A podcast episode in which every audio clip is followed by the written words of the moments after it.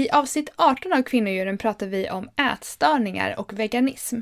Vi berättar våra personliga historier eh, om våra bakgrunder med ätstörningar och också ifall och hur det skulle kunna tänkas kopplas till just veganism.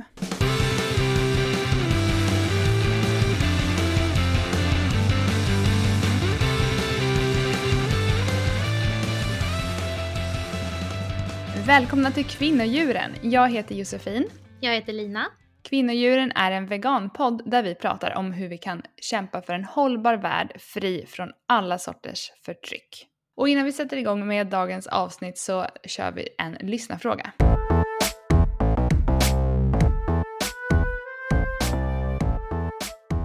Okej, här har vi en fråga.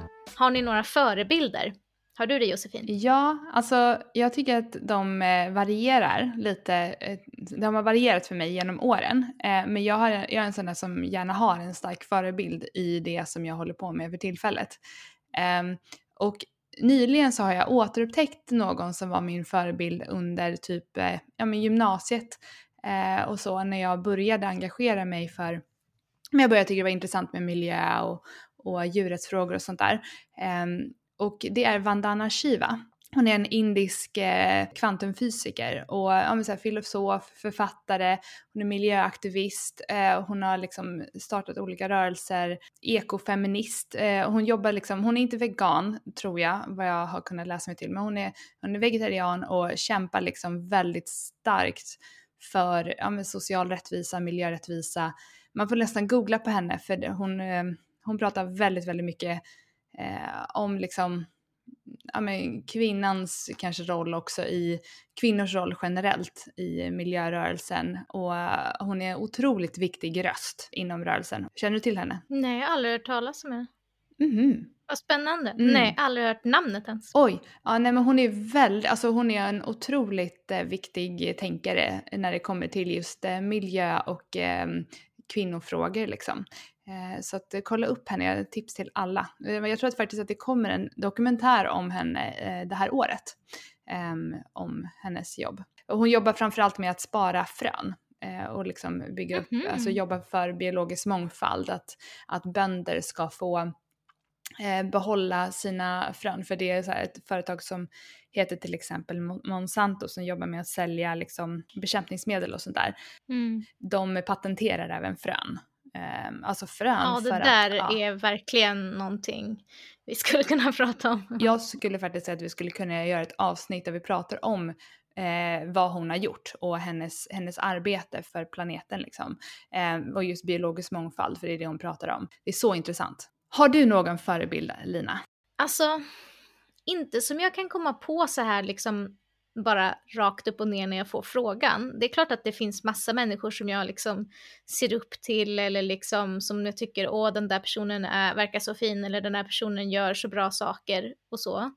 Men jag vet inte, jag kanske tänker på ordet förebild, alltså jag tänker jag kanske lyfter det lite högre, att jag, jag vill inte idolisera någon liksom, mm. för att alla är mänskliga och det jag vet om folk är liksom bara en viss bit liksom. Mm. Så jag kan inte riktigt säga någon sådär, men det finns klart det finns massa människor som jag tycker är, är superduktiga och liksom, alltså typ Greta Thunberg är väl en sån som skulle kunna vara en förebild om jag nu ska välja någon. Mm.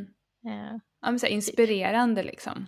En ja, inspirerande människa. Jag blir inspirerad ganska lätt av väldigt många, men det, det är väl kanske det, jag har så himla många så jag kan liksom inte säga en person mm som är så här, den här personen inspireras jag av, utan jag är sån här, det är bara här, en jämn ström av inspiration från alla håll. Typ. Ja men det kan jag hålla med om. Alltså det, det är nog det jag menade också när jag sa att jag har haft olika genom åren. Liksom. Att mm. Det är mm. som att det är, en, det är en konstant ström med så mycket inspirerande människor i världen. Och jag, jag, jag tror att jag tänkte på henne just nu, Vandana Shiva, var för att hon, jag hade glömt bort henne.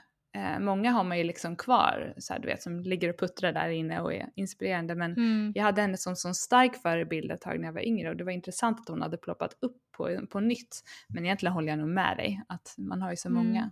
Men jag kan tycka också att det blir lite läskigt att när man, alltså för, för, flera gånger när jag har känt att så här, wow den här människan alltså, vilken urgod liksom supermänniska.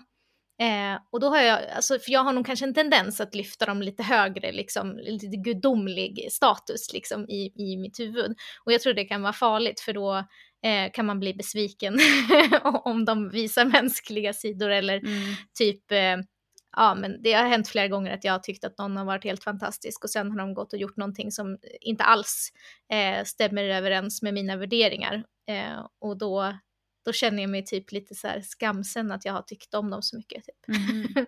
Förstår du vad jag menar? Mm.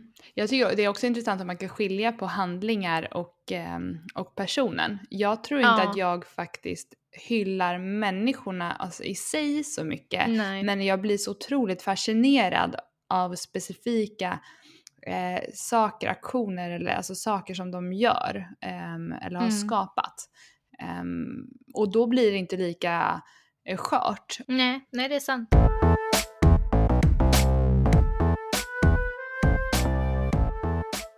Jag skulle bara vilja säga innan vi börjar, vi ska ju prata om ätstörningar och vi ska berätta om, om eh, vår relation till det och sådär och det kommer säkert att vara en hel del saker som kan vara triggande för om man själv har problem med det här.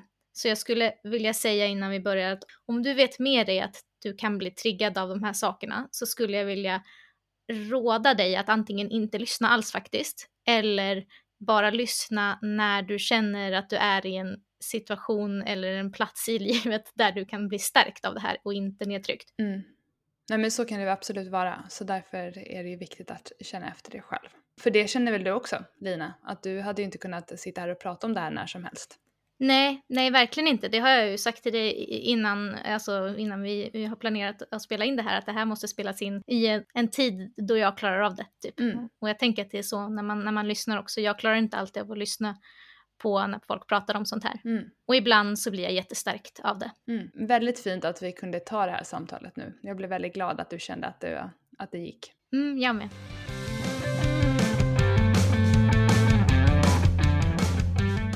Ja, och varför vi vill prata om just ätstörningar då, eh, idag är ju för det första för att vi båda har haft eh, en hel del problem med det. Eh, framförallt kanske när vi var lite yngre. Och vi har nämnt det i lite tidigare avsnitt, lite i förbifarten, men vi tänkte göra ett djupdyk i det helt enkelt. Eh, och varför vi ser att det finns en koppling just till veganismen är egentligen inte så konstigt eh, om man tänker efter eftersom att vad man gör vid en ätstörning så gör man ju exakt det som man eh, gör även när man är vegan eller vegetarian eller väljer bort någonting annat. Eh, oavsett om det är en diet eller bantningsmetod. Det är att man kontrollerar vad man äter. Eh, och därför så finns det ändå en koppling mellan veganism och ätstörningar och tyvärr är det många som eh, lätt kan blanda ihop de här. Eh, och det kanske också kan vara svårt för någon som har haft problem innan att bli vegan för att omvärlden kanske eh, bara ser det eh, som en fortsättning på hens ätstörning. Eh, men för mig var det ju faktiskt lustigt nog raka motsatsen, att eh, det hjälpte mig mm. ur min ätstörning när jag blev vegan. Men det kan jag återkomma till lite senare. Mm, vad intressant. Kan du inte berätta ja, men hur började dina ätstörningar och liksom hur, hur har det gått och var är du nu liksom? Ja, alltså jag kan börja med vad jag är nu, ehm, för det tycker jag känns som ett logiskt sätt att börja. Men, nej, men just nu så mår jag väldigt bra eh, och jag har mått eh, väldigt bra rent psykiskt kring, eh, kring mat och mitt förhållande till mat sen jag blev vegan och ännu mer sen jag blev mamma faktiskt. Och jag blev vegan för snart sju år sedan och mamma för fem år sedan. Um, så det går ju lite hand i hand. Um, sen blir man ju lite äldre också och får lite perspektiv på saker och ting. Men så idag skulle jag säga att jag mår väldigt bra. Det är klart att tankar kan återkomma och sådär. Men uh, jag skulle definitivt säga att jag är helt frisk. Uh, men det började väl när jag, när jag kom upp i 11, 11-årsåldern, 12-årsåldern tror jag, så började jag eh, träna kung fu. Eh, och då blev det väldigt så här, extremt hård träning för mig. Och jag, vill inte, jag var inte tjock när jag var yngre, men jag var väl, jag var inte smal, men jag var inte tjock liksom. Jag var något mittemellan. Och när jag var liten så var jag alltid varit väldigt lång, så jag har ofta varit längre än mina kompisar. Det var någon gång som jag hade en kompis som hette också att Josefin, hon var mycket kortare än mig. Eh, så jag kallades för stora Josefin i hela min uppväxt. Och sånt kan ju också liksom här, påverkan. Um, men mm. uh, det, det, liksom, det, var bara något som gnagde. Det var en kompis någon gång uh, hemma hos en kompis uh, vars moster um, sa att min kompis inte fick ha en, kunna ha en tröja för att min kompis hade lite för mycket valkar på sin mage och pekade då på mig och sa att men titta Josefin kan ha en sån tröja för hon har inte såna valkar på sin mage. Vi, vad, vad, kan vi ha varit? Alltså typ så här sex, sju, mm. alltså skitsmå. Um, mm. och det, det, du vet, den sitter fast i mig så hårt etsat liksom. Uh, och det är så konstigt, för man vet ju inte riktigt vart det kommer ifrån. Och sen så fick jag mens typ där, ja, när jag var 11 års åldern. Um, och det påverkade inte kanske jättemycket så, men man började få bröst och men kroppen blev liksom lite mer allmänt obekväm. Eh, och jag tror inte det hjälpte då att jag såg alla runt omkring mig som eh, alla vuxna kvinnor liksom som, eh, ja men du vet, inte tyckte om sig själva. Eh, eller sin egen kropp. Eh, och jag var väl orolig för att eh, jag skulle få en kropp som också var sådär eh, obekväm. Men eh, i alla fall när jag var 12, 12 års åldern tror jag så började jag träna kung fu jättehårt. Och då insåg jag typ vad hård träning eh, kanske kunde ge för resultat. Så jag började träna så sjukt mycket. Jag, och jag vet inte riktigt liksom vart det kom ifrån men jag började träna mer och mer och jag fattade ju liksom, jag började läsa på hur man liksom ja, hur det var mest effektivt när man skulle äta så att det liksom brändes bort snabbare. Ja, men det är alla kvinnor runt om en som liksom klämt på sina eh, rumpor och lår eller du vet vill få bort lite mm. fett på magen eller så här, och man bara oh effektivt liksom. Så jag, ja, så jag hade ju ganska mycket jag, jag gick alltid in och gjorde arm, eh, så här, sit-ups och sånt innan jag skulle äta och jag har aldrig spytt. Eh, men jag liksom, det var väldigt träningsfokuserat. Och desto mer jag började träna desto mindre åt jag. Um, för att jag såg att det fick en jättebra effekt. Um, och sen så hade jag en period när jag åt um, drack apelsinjuice så fort jag blev sugen på något. Så jag måste ha haft väldigt, väldigt, uh, jag måste ha mått väldigt fysiskt dåligt alltså. Men det tänkte man inte heller på, alltså så man vill ju bara förlora det där. Så det, och sen så spårade det ju ur liksom totalt för mig. Hur gammal var du då? Jag var väl en 13, 14, det gick ganska fort där. I nian på högstadiet så skulle vi ha en bal um, och då hade jag varit på Serafen, det är Stockholms centrum för ätstörningar tror jag. Um, och då hade vi varit där på en kontroll på dagen och vi skulle ha bal på kvällen. Uh, men då hade jag en puls på 33 och var typ helt blå. Um, så då åkte jag in fick jag åka in på uh, SÖS på akuten. Eh, och så blev jag inlagd, för jag hade ju typ ingen puls, alltså jag var ju typ död. Nej, men jag, alltså, så här, jag mådde ju inget bra. Så jag fick inte gå på, på den där balen då i nian. Um, mm. Och eh, det var den, och så då blev jag inlagd i um, två, tre veckor tror jag. Um, och sen fick jag komma hem um, och jag fick så här, massa så här näringsdrycker och allt sånt där och började äta. Uh, men min, vi har ju pratat lite om det, men min, uh, min familj är lite så här alternativ. Um, så jag fick ju lite, jag hade massa mantran och, uh, och sånt som skulle hjälpa mig ur och typ älska mig själv och sådana där saker. Det var, en lång, det var en lång kamp men någonstans där tror jag att det vände när jag blev inlagd. Jag började inse allvaret liksom. Ehm, men det tog ju lätt alltså upp i eh, 20 ish års åldern innan jag kände att jag mådde riktigt bra och eh, bara tills härom året så har jag gått i terapi för att hantera så här tvångs, alltså OCD, tvångstankar och tvångsbeteenden och sånt där. Um, och ett stort problem under allt detta är ju att jag liksom, jag blev ju vegetarian när jag var, ja men strax innan där tror jag, innan jag dök ner i anorexin. Men jag slutade äta korv när jag var typ fyra och sådär för att, vi har ju pratat om våra veganhistorier innan men eh, det, för mig är det liksom helt eh, frånskilt från min ätstörning. Alltså det, det, hör inte, det går inte hand i hand på något sätt. Visst, det kanske har varit väldigt lätt för mig att se vad som är veganskt och inte för jag är väldigt bra på att läsa innehållsförteckningar. Men mm. det är liksom, men det är typ det. Alltså, men jag vet att min familj eh, har ju till och från varit väldigt oroliga just för att jag liksom har valt bort mat. Alltså det är det som eh, om, om ens familj är orolig liksom för att man har haft problem med ätstörningar och sen så börjar man kanske eh, äta veganskt eller så här, väljer bort mat. Det, är ett, det blir ett väldigt stort orosmoment.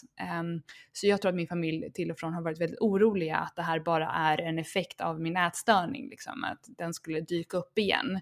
Men jag tycker att det känns så himla skönt att nu som vuxen och som mamma eh, har liksom hanterat den här tiden i mitt liv och känna att den är så eh, passé och att dessutom känna eh, hur genuin min veganism är och hur, eh, och hur den är så baserad på empati för andra varelser och inte eh, på grund av hur det påverkar min kropp liksom. Mm. Och jag tror att i början, i början som vegan så tror jag att jag eh, ville äta kanske mer onyttigt för att visa på att det inte var, jag vill inte, det, jag är inte vegan för att jag vill äta nyttigt utan jag vill, är vegan liksom för djuren och för naturen. Så det har varit en grej, men nu på senare år så kan jag känna att ja, jag vill äta kanske lite mera, ja, så här, laga från grunden och lite mera whole foods eh, veganskt. Men det är ju kanske för att jag ja, men det är många olika anledningar, men det, det, det känns bättre liksom att göra det. Eh, och liksom, men det är ju inte på ett ätstört sätt utan det är ju snarare för liksom, så här, äta mer närproducerat och mindre processat och sådär. Och inte av hälsoskäl utan liksom, eh, av andra skäl. Um, mm. Och jag, även lära barnen det. Jag vill inte att de liksom bara ska äta sojakorv kanske. Jag vill gärna att de ska kunna gillar att äta liksom vanliga bönor och hela grönsaker och sånt där. Um, men jag känner liksom att det är bara min, det, det, är typ där jag är nu, att jag är så himla tacksam att jag kom ur det där för jag var så sjukt illa däran när jag var inlagd. Um, och att jag har tagit mig ur det så långt idag, att jag är helt frisk. Um, det är jag väldigt, väldigt tacksam för. Ja, du ska vara jättestolt över dig. Jag är jättestolt över dig. Mm, tack. Du sa att eh, du hade varit på någon kontroll där innan du blev inlagd. Hade du alltså kontakt med vården innan mm. Eh, det här? Ja. Hur gick det till då? Nej men jag hade ju problem med något år, det var ju under högstadiet. Jag tror att det, jag tror att jag, när man är 6, 12, ja men det kom väl typ när jag gick i sjuan då. Alltså jag började bli riktigt dålig när jag gick i sjuan och så blev jag smalare och smalare. Mamma blev ju orolig liksom. Så att vi, ja hon tog kontakt. Jag vet inte om vi gick till läkare först och sen så, sen så hade vi ju så här kontakt där på Stockholms centrum för ätstörningar eh, några gånger och försök med psykolog och du vet, det är ju massa psykolog, alltså det är så mycket psykiskt du vet vad allt det här handlar om. Mm, ja, um, mycket handlade om min relation med min mamma, alltså mina föräldrar separerade, du vet alltså det är så mycket saker som också som gör att man kanske mår dåligt och som är anledningen till att man eh, kanske vill skada sig själv eller, eller sånt där som inte kanske är direkt relaterat till mat. Mm, um, men liksom, det var väldigt mycket psykiskt som jag behövde bearbeta. Som sagt så har jag bearbetat det fortfarande väldigt länge. Um, men, uh, men ja, vi hade kontakt där några gånger. Men det var faktiskt bara på en standardkontroll eh, den gången eh, som de mm. upptäckte att jag hade så låg puls att de skickade in mig till akuten. Liksom. Mm. Vilken tur då. Mm. Nej, det var tur. Eh, men man känner ju inte det där. Det, det, det jag kommer ihåg starkast är också eh, alla människors försök att väcka mig när jag var i det. Det tycker jag är en obehaglig, ett obehagligt minne. Att folk försökte liksom, men ser du inte hur smal det är? Men ser du inte? Ser du inte hur sjukt det är? Ser du inte det? Men jag vet inte hur du kände inför sådana kommentarer, men jag blev ju, alltså, det var ju bensin på min eld ah, ja, när folk sa så. Mm. Jag älskade ju när folk sa så. Mm det är det som är så sjukt att folk liksom, att man, de vill ju hjälpa en mm. genom att se du inte hur sjuk det är. Jag bara, oh jag är smal. Nej gud vad Sjukt, hemskt. Det är ja vad bra, då gör jag rätt. Ja, typ. ja men mm. precis. Och liksom alla de här gångerna man har stått på vågen och liksom hurrat för mm, en decimal ja. hit eller dit. Ja det är verkligen bra att vi har sagt det här med trigg i början. Alltså, jag tror att stäng mm. av om du känner att det är triggande för det är inte, liksom, det är inte vår mening utan jag tror bara att det är viktigt att prata om det för att, eh, för att människor ska kunna förstå hur det kan vara men också eh, att det inte alls behöver vara kopplat till veganism. Eh, mm. Eller om det är det. Men det här med vågen, jag tycker att det jag tror att jag hade det som en grej att ah, men jag ska bara ner under den siffran, jag ska bara ner under den siffran, jag ska ja. bara ner under den siffran. Och jag var nere på så 40 44 tror jag som värst och jag är 1,74 så jag var ju väldigt liksom, mm. eh, det, var, det var väldigt liksom långt nere. Um, men um, nej, jag är väldigt glad att jag är där jag är idag.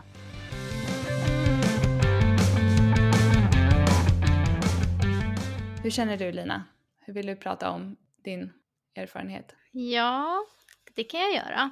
Eh, jag känner igen mig jättemycket i ganska mycket av det du säger. Mm. Eh, även om min historia är lite annorlunda. Men eh, innan, blev du diagnostiserad med anorexia då när du hade kontakt med, mm. eh, med ja, vården? Ja, jag mm. fick en... För det är ju en stor skillnad. Ja. Jag har inte haft någon kontakt med mm. vården alls. Eh, så att, eh, det är ju annorlunda. Mm. Det är annorlunda, men jag känner ju igen mig i många andra detaljer som du säger. Eh, men Eh, nej men för mig, jag kan inte riktigt minnas liksom så här, här började det. Eh, för att eh, det känns som att jag i hela mitt liv har liksom levt med eh, någon form av liksom så här att jag har jämfört mig med andra och så. Jag tror inte att det är så ovanligt.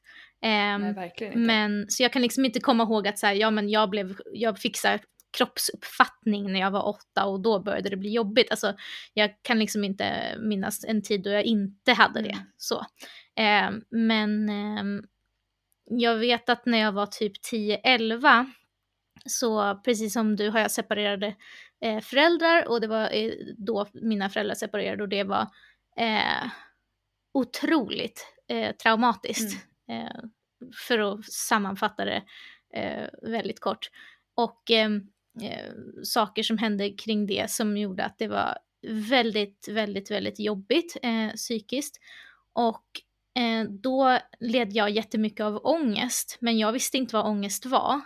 Eh, så att jag mådde bara väldigt dåligt, både eh, så psykiskt och fysiskt. Alltså min ångest tog ut sig fysiskt för att den inte visste vart den skulle ta vägen antar mm. jag. Så att jag mådde väldigt illa hela tiden. Alltså jag hade illamående och ont i magen liksom, för det var eh, där min ångest eh, liksom kröp ut. Och eh, eh, det gjorde att jag eh, tillsammans med liksom det psykiska av, av ångesten och att man är liksom orolig och ängslig och liksom de känslorna.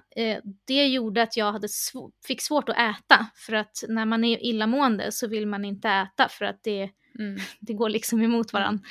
Ehm, så att det började så att eh, eh, helt liksom isolerat från några tankar om mig själv eller, eller någonting sånt eh, så fick jag svårt att äta för att jag mådde så illa. Och jag har, precis som jag tror att du också har, som vi har pratat lite om det här med duktig flicka, mm syndromet och sådär, att jag tyckte att det var väldigt jobbigt när jag inte kunde äta för att jag överanalyserade allting och tänkte så här, min mamma har stått och lagat den här maten, mm. jag måste säga till henne nu att jag kan inte äta den, eh, hon kommer bli besviken. Mm. Alltså massa sådana tankar, så det födde liksom en massa annan ångest. Att så här, jag kan inte äta, jag måste, och så, ja, så blev det en ond cirkel liksom. Eh, och det var väldigt jobbigt, speciellt om vi var liksom borta någonstans och jag helt plötsligt, för jag fick ju panik när det här mm. hände för att jag liksom, till slut blev jag ju rädd att jag skulle börja må illa inför att jag skulle äta för att jag var rädd att jag skulle behöva säga till att jag kan inte äta eller så. Mm. Eh, så att då började jag ju må illa för att jag liksom, då blev jag ju, fick jag ju ångest av den tanken. Eh, eh, och när man var borta och så, så var det extra jobbigt för att när jag var hemma så kunde jag ändå så här, jag kunde ändå säga det till min mamma eh, och tänka att hon ändå förstod och liksom det var inte hela världen, även om jag hade jättemycket skam över det också. Men var man borta och man var tvungen att säga, eller typ om jag var hos min pappa som jag inte har samma relation med eller så, att man var tvungen att säga liksom, eller att de märkte att man inte åt liksom. Mm. Så tyckte jag det var jättejobbigt.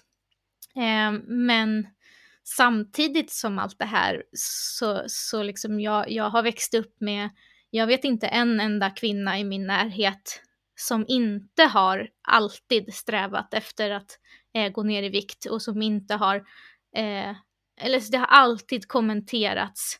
Eh, Oj, jag är så tjock och mm. har du inte gått ner i vikt? Eller ja, ah, det här, ska vi inte ha en kaka till? Nej, men jag har ätit för mycket. Alltså, och, alltså oh, massa sådana där saker. Hela, hela, hela, hela, hela, hela, hela, hela mm. tiden verkligen.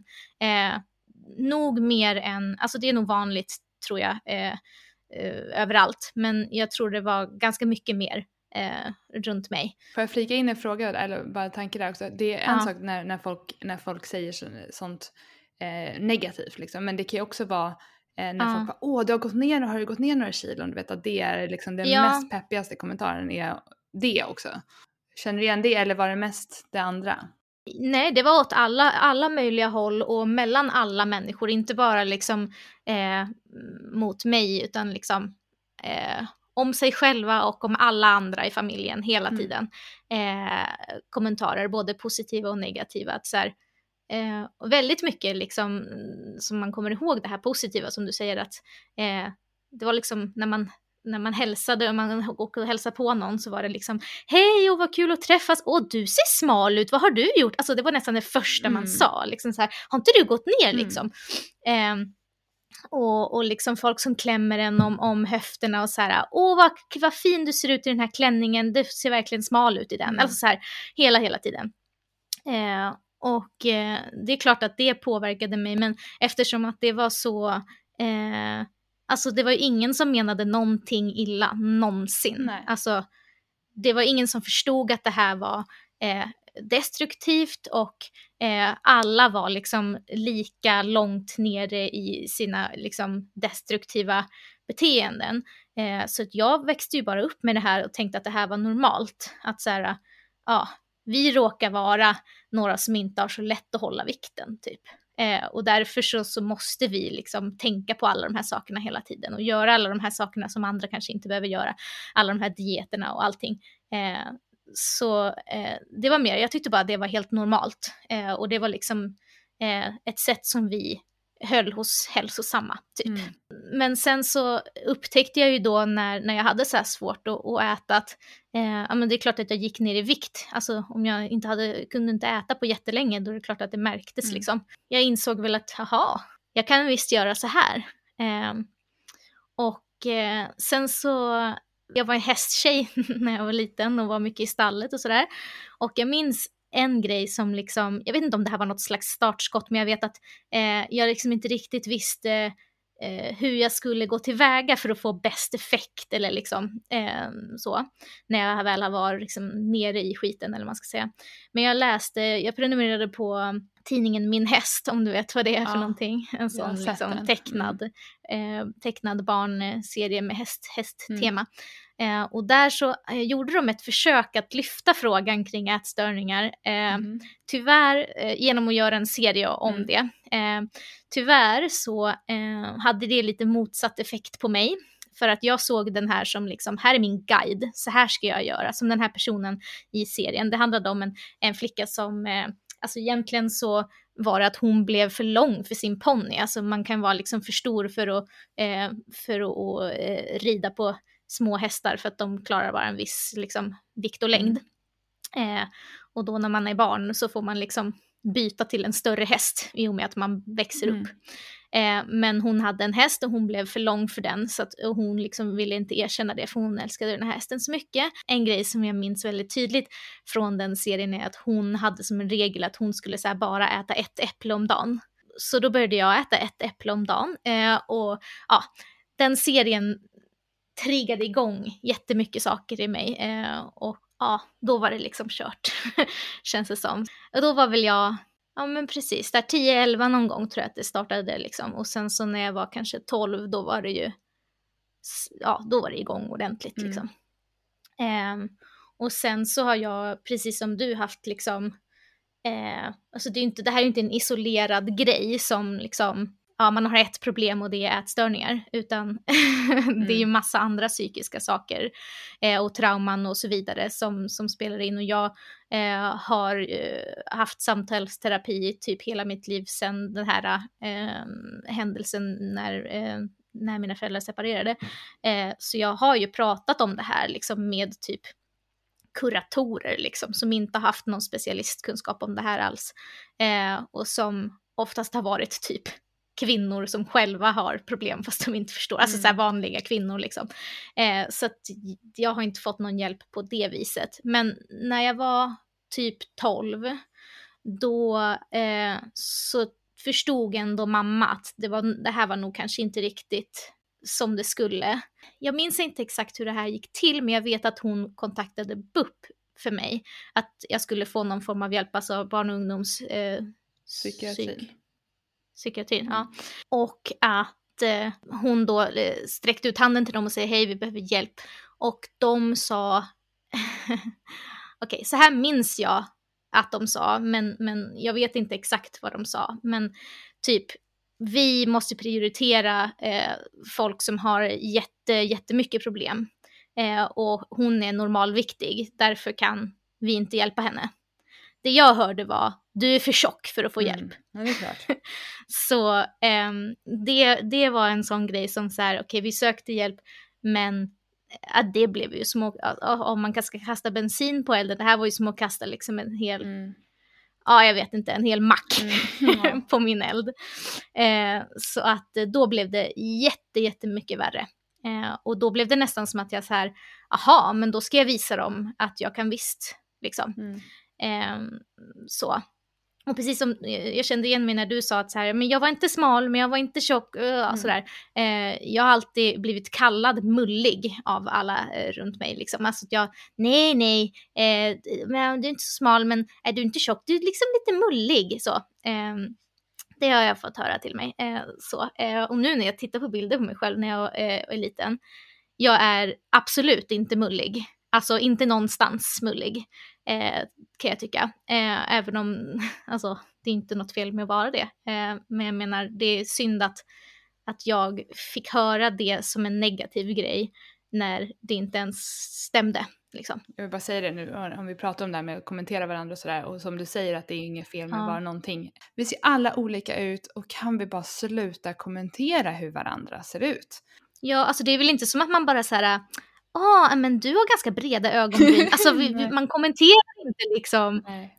Varför ska man säga det? Alltså det, nej, ja. Eftersom att jag eh, har haft den så att säga uppväxt som jag har haft och eh, i, i skolan, du sa att du var längst och, och blev kallad saker och det, det var liksom, jag var väldigt kort men jag var också alltid den i min, i min vänkrets som alltså jag var ändå störst av alla, men det berodde kanske på att mina bästa kompisar var pinsmala, verkligen. Men det tror jag också att jag, så här, jag har alltid liksom ställt mig mot folk eh, i min närhet och känt att så här, aha, jag är störst. Och det var ju tydligen dåligt, eh, hade jag ju fått lära mig. Så att eh, mm. det var ju också en grej. Så när jag var typ 12-13, då var det jätteilla. Men jag kunde inte få någon hjälp för att jag, jag var fortfarande normalviktig. För jag, jag tror inte att Alltså jag, jag hade inte sådana extremt långa perioder, det gick ju upp och ner liksom. Så att jag kom aldrig ner under liksom svältgränsen eller vad man ska säga. Utan jag höll mig liksom,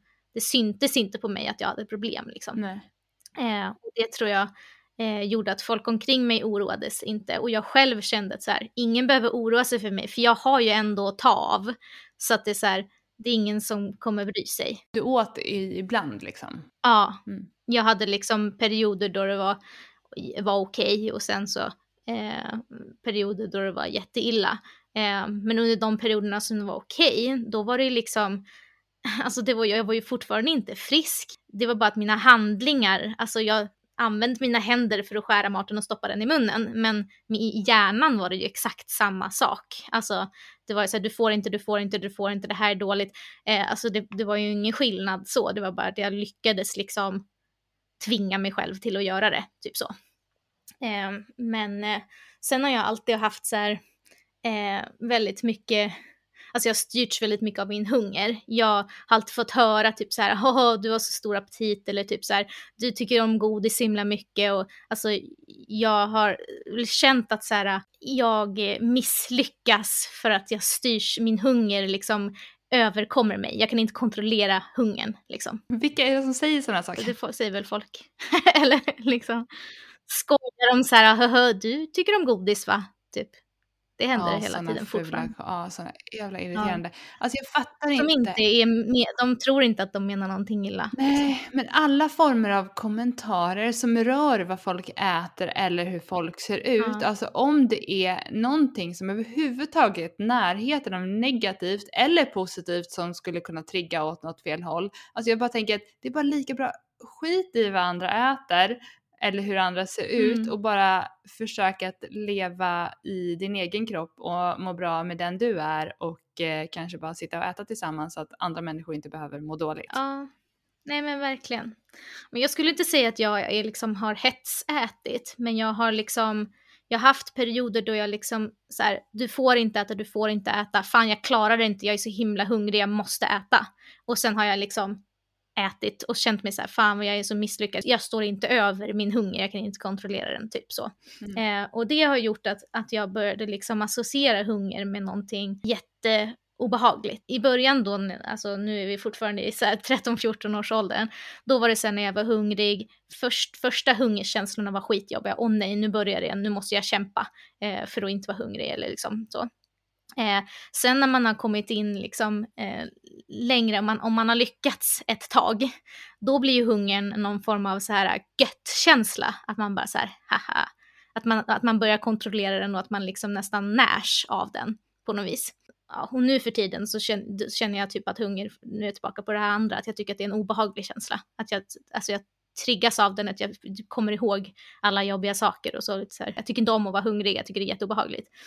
Eh, men eh, i den vevan när jag var, alltså när jag typ började gymnasiet eller liksom slutet på högstadiet, eh, ja typ då när det var som värst för dig, eh, då hade jag jättemycket andra problem med olika typer, alltså jag, jag självskadade på andra sätt än, än med maten. Eh, eh, hade jättemycket problem. Så då var det här bara, det här liksom försvann in i allt annat på något vis. Det var fortfarande ingen som märkte någonting och jag tyckte fortfarande inte att det var något problem. Det var bara någonting jag skulle göra liksom. Mm.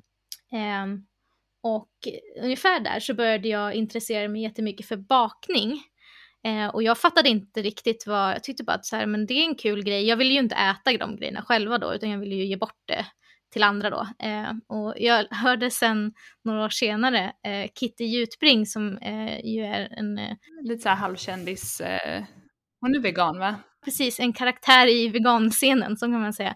Eh, hon har också pratat rätt mycket om, om sina ätstörningar och sådär. Och jag lyssnade på en intervju med henne när hon sa att hon också fick ett jättestort intresse för att baka och, och liksom, eh, förse mat till andra mm. människor.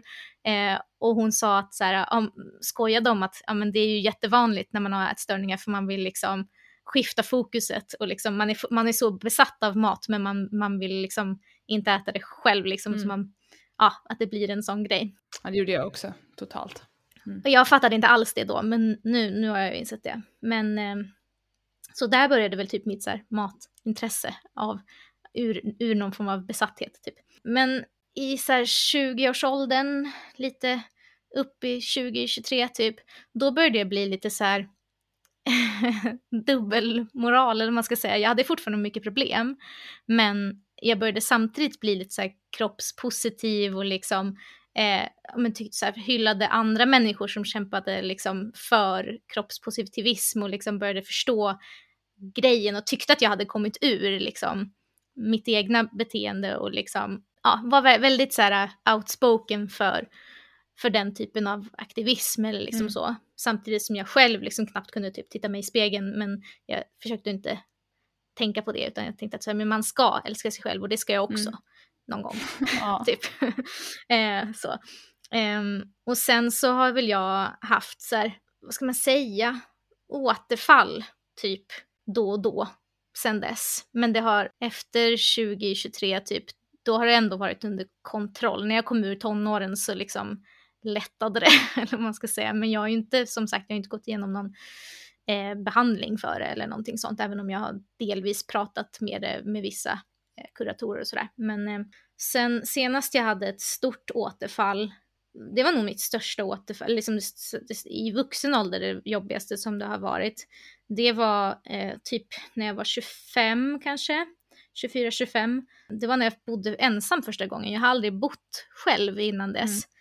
Eh, och jag hade en, en jätte, alltså det var efter ett uppbrott eh, med en partner och eh, jag skulle då bo själv och jag hade det otroligt jobbigt och insåg att så här, ja fast nu är det ingen som ser om jag inte äter. Det är ingen som kommer kunna kommentera eller kontrollera eller hålla koll på mig. Jag kan göra precis vad jag mm. vill. Mm. Det utnyttjade jag jättemycket. Och eh, samtidigt som jag fortfarande var jättemycket i det här att säga nej, nej, nej, eh, man ska vara precis som man vill, man ska älska sig själv. Mm. Alltså bara väldigt sådär samtidigt. Det, det har jag fortfarande, en, en, en helt annan bild av mig själv eh, och andra människor.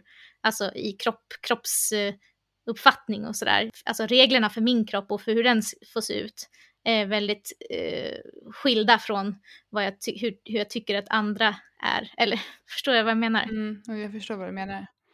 Jag tycker, jag, får, jag, alltså, får jag bara dyka ner bara kort i det, jag tycker, för jag mm. också, jag på senaste åren eh, fattat hela den här grejen med kroppspositivism. Vad jag tycker är intressant med det här är att eh, jag bara tänker på vad som ligger bakom det hos många som kanske är det utåt mm. sett. Jag tänker att um, det är säkert lätt, och nu, vi pratar om förebilder också. Jag tänker kanske många mm. av de stora eh, namnen eh, kvinnorna som är väldigt för och visar upp sig eh, eh, som kroppspositiva kanske egentligen själva också har fortfarande mycket negativa tankar om sig själva. Alltså jag tänker att det är i sig ett sätt att bearbeta det.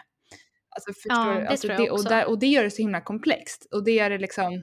Ja. Um, förstår du vad jag menar? Jag tycker att det är intressant på det sättet. Ja, verkligen. Mm. Alltså, jag tror inte man skulle kalla sig själv kroppsaktivist eh, eller att man skulle vara kroppspositiv eh, om man inte hade haft problem tidigare. Mm. Alltså, nej, nej, precis. Mm. Förstår du vad jag menar? Jag tror att det, det kommer ifrån det oavsett. Men, men, det är ett sätt att hantera det typ. Ja. Alltså ett sätt att bli frisk från det typ. Ja, verkligen.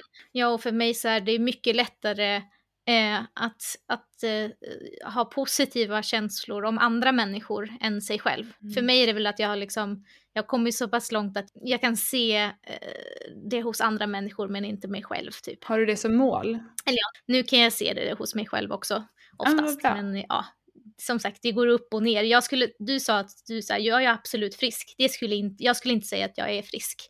Eh, men jag skulle säga att jag är högfungerande, eller vad säger man? I, mm. liksom, jag, eh, om vi ska liksom ta hur, hur jag känner mig nu eller vart jag är nu efter mm. allt det här. Jag hoppar inte över måltider alls. Det har kanske hänt någon gång per år senaste åren att jag har gjort det eh, då jag har haft liksom extra negativa tankar. Annars så, jag gör inga ätstörda handlingar nu. Eh, och har inte gjort det på länge. Däremot så är det jättekopplat till om jag mår dåligt så får jag eh, de här tankarna eh, liksom kommer upp. Eh, och även liksom till vardags också så kan jag liksom få så här som flashbacks eller liksom att det kommer en sån här negativ tanke som jag bara så här, nej, varför tänkte du det där? Så där tycker inte du. Eller liksom så här, typ om jag, jag har väldigt svårt att, att veta vad en typ en normal portionsstorlek är. Utan jag kan liksom stå när jag tar mat och bara så här, vad är lagom? Och sen så kommer en tanke som en så här, du får inte äta så där mycket, typ du måste lägga tillbaka maten. Mm. Eh, och, då, och sen så kommer en annan tanke direkt efter, det behöver jag inte alls. Och sen så tänker inte jag något mer på mm. det. Eh, den tanken kommer och jag slår bort den och det bara så här, den kommer och går så, lika snabbt som den mm. kom. Liksom. Men är, har jag tuffare perioder då, då har jag liksom svårare att stå emot dem. Och då kan jag liksom så få tankar som så här, ja men du duger inte av någon anledning, därför förtjänar inte du eh, typ att äta. Mm. Typ. Sådana tankar kan komma. Men vilken resa. Ja, men vissa saker, ja, vissa saker som fortfarande kan kännas jobbigt är typ ja, men såna här kommentarer som vi pratade om innan, oj vad mycket du äter eller du gillar godis, va? sådana saker kan jag tycka är, är, är jobbigt. Eh, för att det, det, är så himla eh, ingrott det här att jag eh, inte kan kontrollera mig, jag är så här obehärskat hungrig liksom. Så sånt tycker jag är jobbigt. Ja men och, och portionsstorlek som jag sa, att jag vet inte vad normal portioner. eh, jag får liksom så här... Äh, Finns inte. Nej, jag får typ titta på så här, va, hur stora portioner andra äter och sen så tar jag lika mycket och så tänker jag det här är nog rimligt. Typ, prova kläder kan vara jobbigt för att jag fortfarande har lite så här svår relation till kroppen. Jag vet inte om du kan känna igen dig i det här men jag kan så här typ om jag ser bilder på mig själv som någon annan har tagit så kan jag bara så här herregud ser jag ut sådär? Mm. Eh, men sen kan jag själv typ så här, titta på mig själv i spegeln och bara, men vad är det? Alltså det här är ju, jag är hur bra som helst. ja. ja. Men du, alltså, du hör ju ändå vad jag säger, alltså, jag tänker ju fortfarande på mig själv som i så här, stor lika med dåligt, smal lika med mm. bra. Eh, det gör jag ju inte med någon annan eh, än mig själv. Det är som att jag försöker rättfärdiga mig själv att säga, men det ser inte bra ut på mig. bara som, men vadå ser det inte bra ut? Alltså förstår ja, du? Det, jag vet, det, det där är så himla, men det är så himla konstigt och alla människor är precis som de är så otroligt vackra eh, och jag mm. tycker det om mig själv också. Men ja, jag förstår verkligen vad du menar med att det är svårare att se det på sig själv. Mm. Men vad stolt jag är över dig som, eh, som känner ändå så pass bra just nu och förhoppningsvis kanske det bara kommer bli bättre. Eller vad tror du? Jag tror, utan att vara negativ, jag tror att jag är så pass bra som jag kan bli just mm. nu. Min relation till mat är så bra som den någonsin eh, kan bli. Min relation till min egen kropp och mitt självförtroende och sådana där saker, det kan nog eh, bli bättre. Mm. Eh, så och det hoppas jag att det kommer fortsätta att göra. Ehm, men jag känner mig inte typ i någon form av riskzon att trilla tillbaka eller sådär i, i så dåliga beteenden. Eh, sen är liksom, eller jag vet inte, jag ser det nästan som två olika saker. Alltså min bild på min egen kropp och liksom eh, värde och, och så vidare. Eh, och vad jag liksom, om jag lyckas att äta eller inte. Relationen till maten och de här tankarna som, som negativa tankar och liksom alla de sakerna, det kommer jag nog alltid att ha som jag sen kan avfärda på det sättet som jag gör nu. Att så här, ja, det här var en tanke som jag brukade ha, men nu har inte jag den längre. Och sen så försvinner mm. den. Jag tror inte att den kommer försvinna helt. Jag vet inte om det är så typ så här äh, nyktra alkoholister, om det är någon sån grej att de brukar ju säga att de, så här, de är aldrig fria från det, de är bara nyktra. Man är aldrig inte alkoholist, man är bara nykter alkoholist. Ja, det är sant. Jag vet inte. Det är, åh, alltså, ja, jag, jag undrar vad jag skulle säga då. För jag menar, alltså, jag säger att jag är helt frisk och det, det kan jag verkligen säga. Mm. Och jag är väldigt säker på att jag aldrig kommer få ett äh, återfall. Eller nej, jag skulle kunna få ett återfall. Absolut, absolut. För att det är inte som att, det är precis som du säger, det är inte som att alla tankar är borta från mitt huvud. Det är bara det att det påverkar mm. nada av någonting i min verklighet, alltså i min vardag. Mm. Och det, det som du säger det där med att slänga bort tankar och sådär, det är så klassiskt KBT som jag har jobbat så mycket med oavsett om det har med tvångstankar att göra eller med maten och så. Alltså typ om det kommer en sån tanke om att man borde göra på ett sånt, ett visst sätt, om man typ gör motsatsen eller gör på något mm. annat sätt så tar inte den tanken, får inte den tanken kraft och så bara pff, försvinner det liksom. Mm. Um, så, så fort jag, om jag någon gång får någon negativ tanke om min kropp eller om någonting, om jag borde äta någonting eller inte, så brukar jag göra motsatsen bara för att bevisa det och då mår jag alltid mycket bättre. Men tycker inte du att det kan bli lite svårt? För jag, jag kan känna att jag, jag, jag gör typ så. Att så här, om en tanke kommer att så här, du får inte ta mer godis, då tar jag mer godis. för att jag måste göra tvärtom. Eh, men då kommer en annan negativ tanke som så här, men vad är egentligen rimligt då? Vad är hälsa? Borde jag göra? Alltså så här, vad är egentligen det hälsosamma? Är det att jag gör det absolut onyttigaste, eller man ska säga, alltså så här, eh, det mest eh, godisrika som går? Eller var, alltså, kan man hitta någon balans? Jag tycker det är mm. jättesvårt. Vad är balansen? Ja, balansen är svår. Eh, jag tycker snarare att mm. för mig handlar det om att få bort just den specifika tanken. Ja. Och inte tänka på den balansen. Men å andra sidan, det är också väldigt personligt för det beror också på hur, vilken typ av kontroll man har. Mm. Eh, eller hur man är. Jag tror det har så mycket med personlighet hur man hanterar ätstörningar att göra. För att jag är en extremt kontrollerad person. Alltså jag kan kontrollera saker. Det, har ju varit, det, har ju varit, det var ju mitt stora problem. Det var därför det gick så fort för mig. Det var därför jag blev så sjuk så snabbt. Jag hade ju aldrig inte ens en dag som var normal när jag startade liksom. När jag kom på hur jag skulle mm. göra.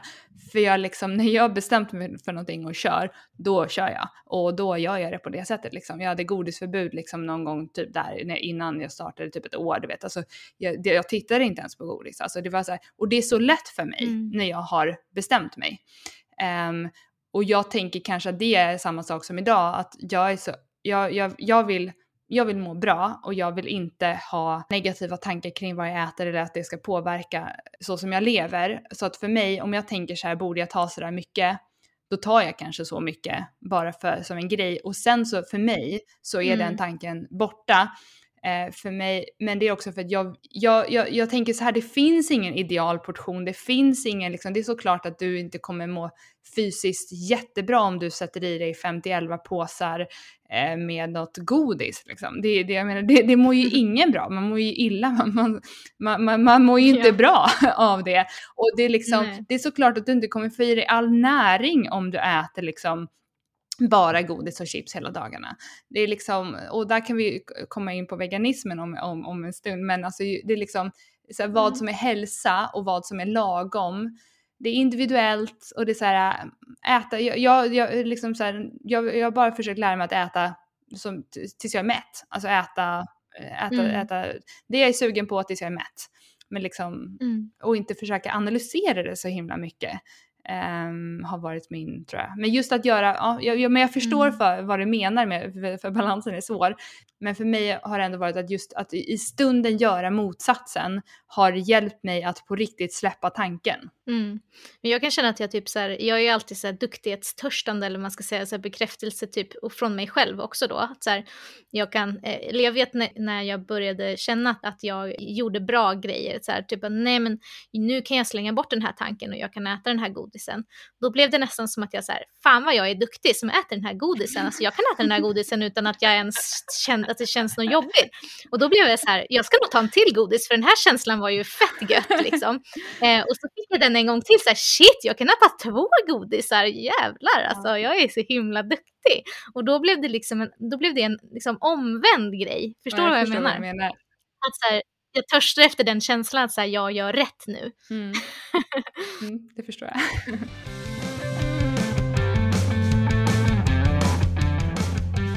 det här var ju liksom ett sätt som du, som du hanterar det här. Har du några andra liksom knep eller strategier eller hade du det när du liksom höll på att bli frisk eller sådär som hjälpte dig liksom? Ja, alltså det här har jag funderat på väldigt, väldigt, väldigt, väldigt mycket. Eh, men eh, jag, alltså som sagt jag har gått mycket i terapi. Alltså jag har gått jättemycket i terapi och försökt hantera min barndom och liksom roten till varför jag har mått som jag har mått. Men alltså helt seriöst tror jag verkligen att mitt förhållande till mat blev så mycket bättre eh, när jag blev vegan.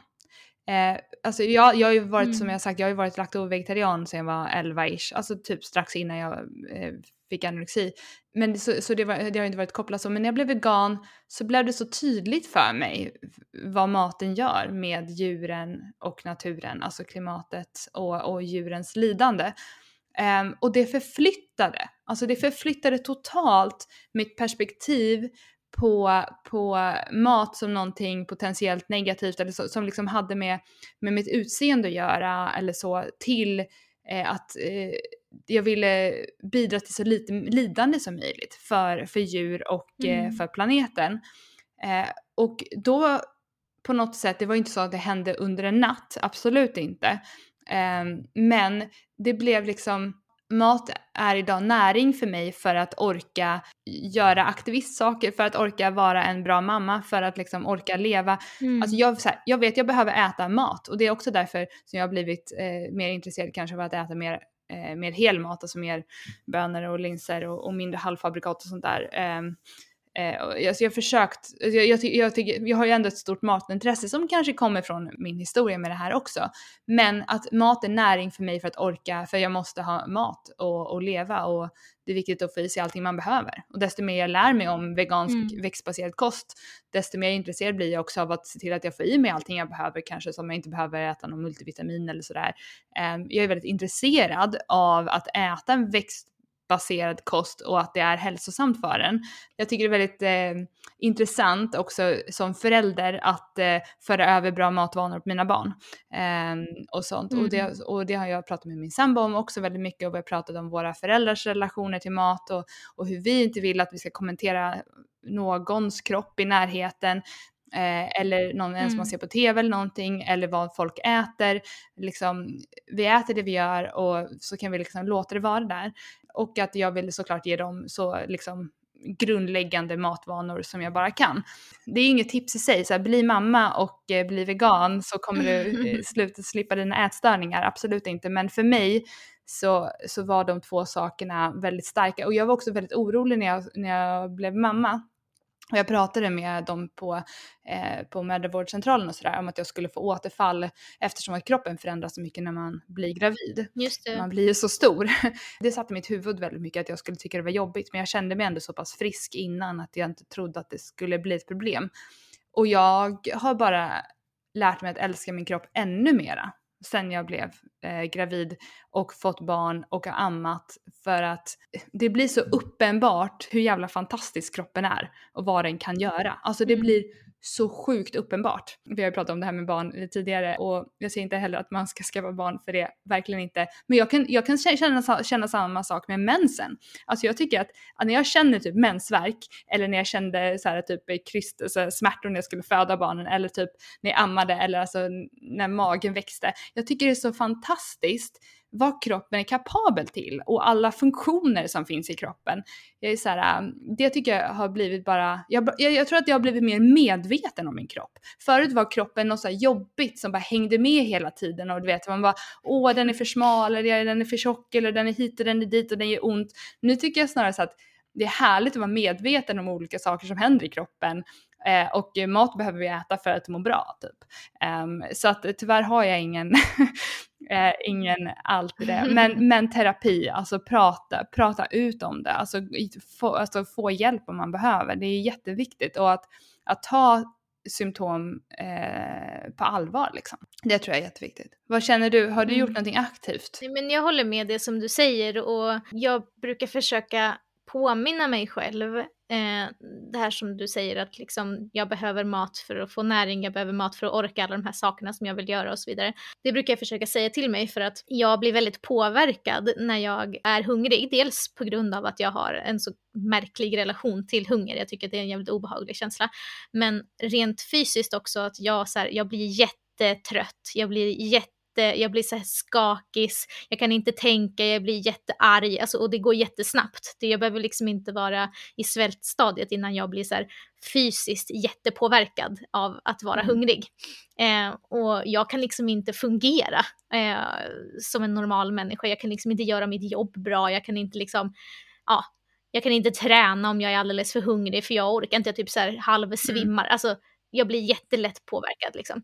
Eh, så jag försöker bara säga till mig själv att så här, fast du vet vad som händer om du blir hungrig, alltså det kommer, ingenting kommer fungera, du kommer inte klara av att göra alla de här sakerna som du vill göra, du kommer inte ha kreativitet, för det orkar mm. inte du då. Eh, och då blir jag så här, ja nej. Okej, vi, vi struntar i det. jag kommer inte orka. Är bäst att jag äter, för jag behöver, jag behöver ge mig själv det här. Typ. Om du hade kunnat ge dig själv ett tips, typ när du var där, 11, 12, 12-ish åldern, typ där i häståldern. Har, har, har du något tips som du skulle vilja ha sagt till vilja att någon sa till dig? Åh, det där är så svårt, jag fick säkert tips liksom. För det var, alltså det var ju, även om det inte syntes på mig eller liksom så här, det var ju folk som visste om att jag hade problem med det här. Men det ansågs inte som speciellt allvarligt för att jag var inte Nej. speciellt smal. Eh, och för att jag hade perioder som, eh, då det gick bra. Så att, eh, men i mitt huvud var det ju liksom jätte, jätte illa. Men eh, jag tror inte att jag var, jag skulle, jag, det finns ingenting tror jag som man ska, kan säga till en person som är i den situationen för att det finns ingenting som kommer att tas på ett positivt sätt. Det kommer antingen att slås bort eller man blir irriterad. Va? Du vet väl inte vad, alltså vad jag går igenom mm. eller ja, sådär. Eller så, så mm. triggar det en. Liksom, man vänder det till någonting som man kan använda i sin mm. kamp mot Precis. målet man har. Så att jag, jag vet inte, jag vet inte alls vad jag skulle säga. Jag hade också jättemycket problem när jag var yngre med att folk som var äldre än mig skulle ge mig råd. att så här, de visste bättre än mig. Eh, det tyckte jag var jättejobbigt. Jag kände mig, eh, jag, jag, tycker, det gör jag fortfarande, jag tycker inte om att bli satt under någon. Eh, att så här, du lilla du vet mm. ingenting. Eh, vänta bara tills du blir mm. ja, lika enlightened som jag. Jag tycker inte om det och jag tyckte verkligen inte om det som barn för att som barn blir man ju utsatt mm. för det hela tiden. Eh, för att man är mm. barn. eh, så att eh, nej, jag tror faktiskt inte att jag skulle, jag skulle typ bara vilja ge mig själv en kram och bara så här, ja. jag vet, mm. det är okej. Okay. Ja, jag håller med.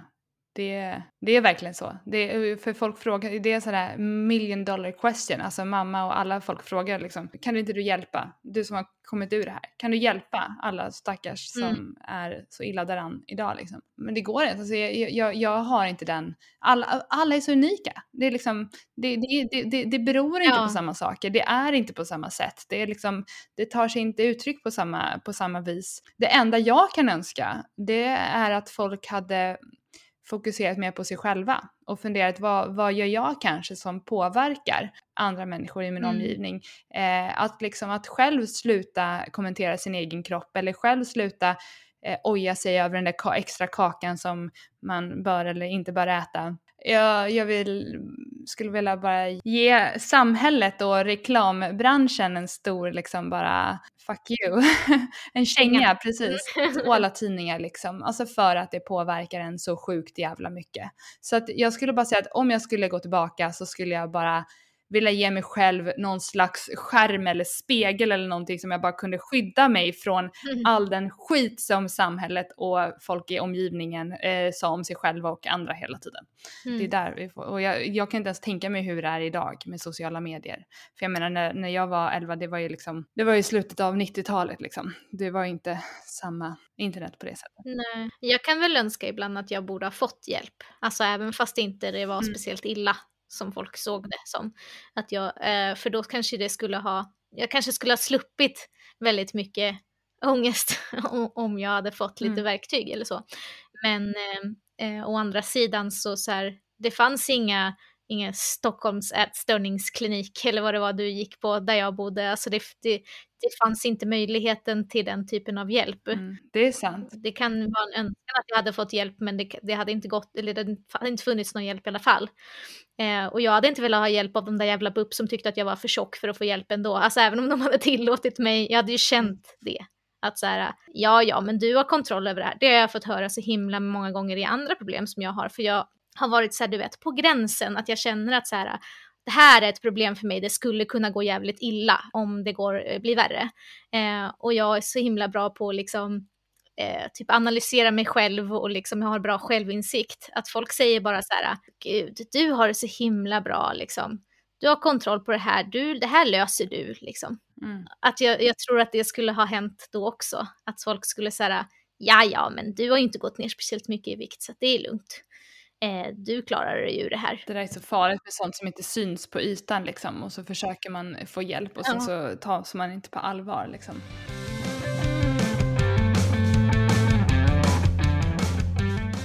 Mycket det här att man, att man kontrollerar så här, saker man inte får äta och sådär. Mm. hur känner du kring det här med, för, för det är många som säger så här, har du vegan så då får du inte äta mjölk eller du får ja. inte äta eh, ditten och datten. Och jag svarar ju alltid då när någon frågar så att så här, jo, jag får äta vad jag vill. Eh, både för veganpolisen ja. och för mig själv. Jag får göra precis som jag vill. Men mm. jag vill inte.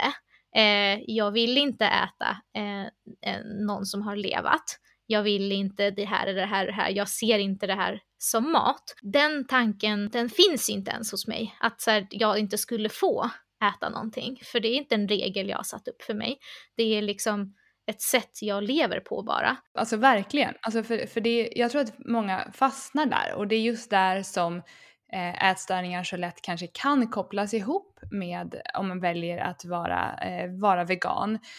Um, för folk tror ju verkligen att det här är ett gäng regler vi har satt upp för oss själva. Alltså, det är lite så som jag mm. sa i början eh, med här, att, det, att, att kontrollera vad man äter, det gör man när man eh, är vegan, men eh, på ett annat sätt än när man eh, kör en diet eller bantningsmetod. För där handlar det om att man, åh jag får inte, mm. alltså när man, när man väljer att banta eller gå ner i vikt eller äta en viss diet, då handlar det om att, åh nu ska jag ställa om mitt sätt att äta för att jag ska uppnå det här eller det här målet. Kanske antingen att hur man jag vill må eller hur jag vill se ut. Men när man väljer bort sånt som folk kallar mat, som är djur, eh, av etiska skäl framför mm. allt, då handlar det ju liksom inte om att jag inte får ja. äta. Jag vill inte det. Ja men folk säger det till mig också men jag, jag, jag gör det ännu mer som en grej när folk säger det när barnen är med.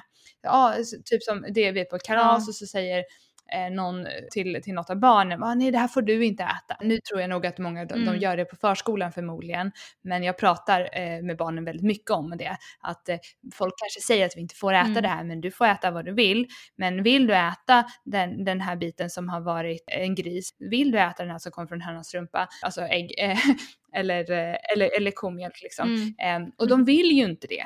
Um, jag har ju förklarat vad det är och varför vi inte Nej. äter det. Jag har inte gått in jättenoga på djurindustrin så, men de, de vet att vi är veganer och vi äter inte något som kommer från djur, så de vill inte det. Men ordet får är jätte jätte, jätteviktigt. Eh, tycker jag att inte använda och mm. att gång på gång säga vi får äta vad vi vill. Det här är ingen ätstörning, det är ingen diet, det är liksom, det är bara ett sätt att leva och vi vill orsaka så lite skada på djur och natur som bara möjligt. Liksom. Mm. Ja, men jag, jag håller verkligen med och jag, precis som du, blev ju vegan av etiska skäl. Det handlade aldrig om hälsa för mig, även om jag har så här, innan och efter eh, jag har varit vegan så har jag liksom haft olika st strategier som har handlat om hälsa, men det har aldrig haft med veganismen att mm. göra liksom. Eh, och, och, när jag blev vegan så, alltså det är så många som fokuserar på att eh, vegan är typ som en, alltså det är vad du äter. Du, det handlar inte bara om det. När jag blev vegan så var det lika mycket om alla andra saker som jag konsumerar eller liksom, eh, om en ull och alltså andra saker, mm. inte bara maten. Eh, så det handlade liksom inte, även om det är klart att det, det, blir mycket om mat för att det är någonting du liksom, du måste ju äta varje dag. Du måste inte alltid köpa en ulltröja varje dag. Så, men, eh, så det blir ju mer, mer eh, fokus på det. Mm. Ja, men nu har vi pratat lite om veganism och ätstörningar. Vi har gått igenom våra erfarenheter eh, kring detta. Men om vi se, blickar ut lite över eh, vegan-communityt i stort, alltså typ i världen, i Sverige, i våra vänskapskretsar. Eh, hur ser du på eh, synen på kroppen och utseende, hälsohets, ätstörningar? Är, är veganer generellt ätstörda? Nej, det skulle jag inte säga att, eh, att communityt är. Eh, jag har många veganer som vänner eh, och eh, jag, eller jag menar jag omringar mig inte med folk som, som triggar mig på den fronten för att det skulle bara vara alldeles för jobbigt för mig.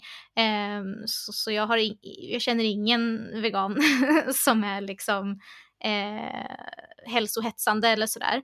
Eh, sen så tror jag att det klart, såklart finns eh, en del veganer som, precis som det finns andra människor eh, som, eh, som är det.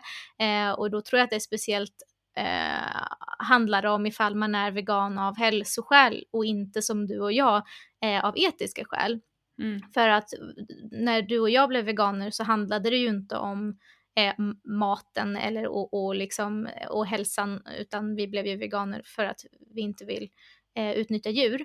Ehm, och, eh, men däremot inom typ så här raw food-scenen eller ehm, eh, ja, hälsoveganer, där, där kan jag tänka mig att det är lite vanligare. Men, men i stort så tror jag inte, eller jag tycker inte att, eh, att vegan-communityt är eh, ätstört eller att det hetsar till någon form av hälso eh, craze. Eh, snarare tvärtom för att i stort så tror jag eller tycker jag att veganer brukar vara ganska medvetna om andra saker som handlar om omtanke för andra och för sig själv och det här är ju en sån sak där man mm. har omtanke om, om sig själv och andra i, i relation till mat och till kropp. Mm. Eh, vad tycker du? Ja men det är sant. Jag håller med totalt. Jag tror också, jag menar vi är etiska veganer båda två um, och det är ganska vanligt i Sverige i alla fall att man är vegan av etiska eller miljömässiga skäl. Eh, mm. Men jag, jag, tänker som i, i andra länder som USA och även Australien har jag märkt. Um, och även såklart i Sverige och i Europa också. Um, men att man, att man är det mer av hälsoskäl.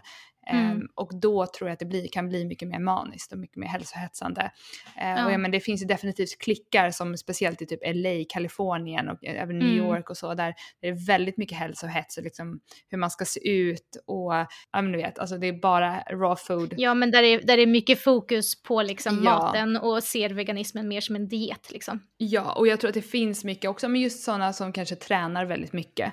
Um, mm. Att det kan bli en hets kring det. Och, och då kan det också vara att man äter mycket växt växtbaserat. Jag tror inte att, jag tror inte att de flesta som eh, eh är strikt enbart för hälsan kanske alltid kallar sig veganer utan de Nej, kanske mer precis. kallar sig för plant-based eller att de äter växtbaserat. Eh, mm. Och att äta växtbaserat det kan innebära att man äter kanske fiskar eller ägg eller så ibland för att det är liksom basen i växter. Så det, det tror jag. Eh, men jag, jag, när jag tänkte på bara, bara på vegan-communityt och så i Sverige idag, för det är ju så otroligt etiskt, speciellt om man kollar på våra Facebookgrupper som typ veganer i Sverige och Alltså hur, hur samtalen går eller vad lagar du för veganmat idag? Jag tycker snarare att det kan gå åt andra hållet, att det är så här, vem är mest onyttig? Eller alltså så här, det, Ja. ska, alltså det ska ju vara så jävla mycket onyttigt. Alltså kolla de här kakorna och kolla vad jag har bakat och kolla hur mycket ost jag har på det här. Och det, liksom, du vet, det är snarare väldigt lite fokus på vad en, på, på vad en Eh, hälsosam inom situationstecken eller välbalanserad växtbaserad diet är utan det är ju väldigt mycket halvfabrikat och det är ju väldigt mycket tips om, om olika liksom kolla det här är veganskt eh, och så är det liksom massa kakor och grejer. Och jag tycker absolut inte det är fel men jag menar att eh, det, det är ju liksom väldigt lite fokus på att så hälsosamt som bara möjligt.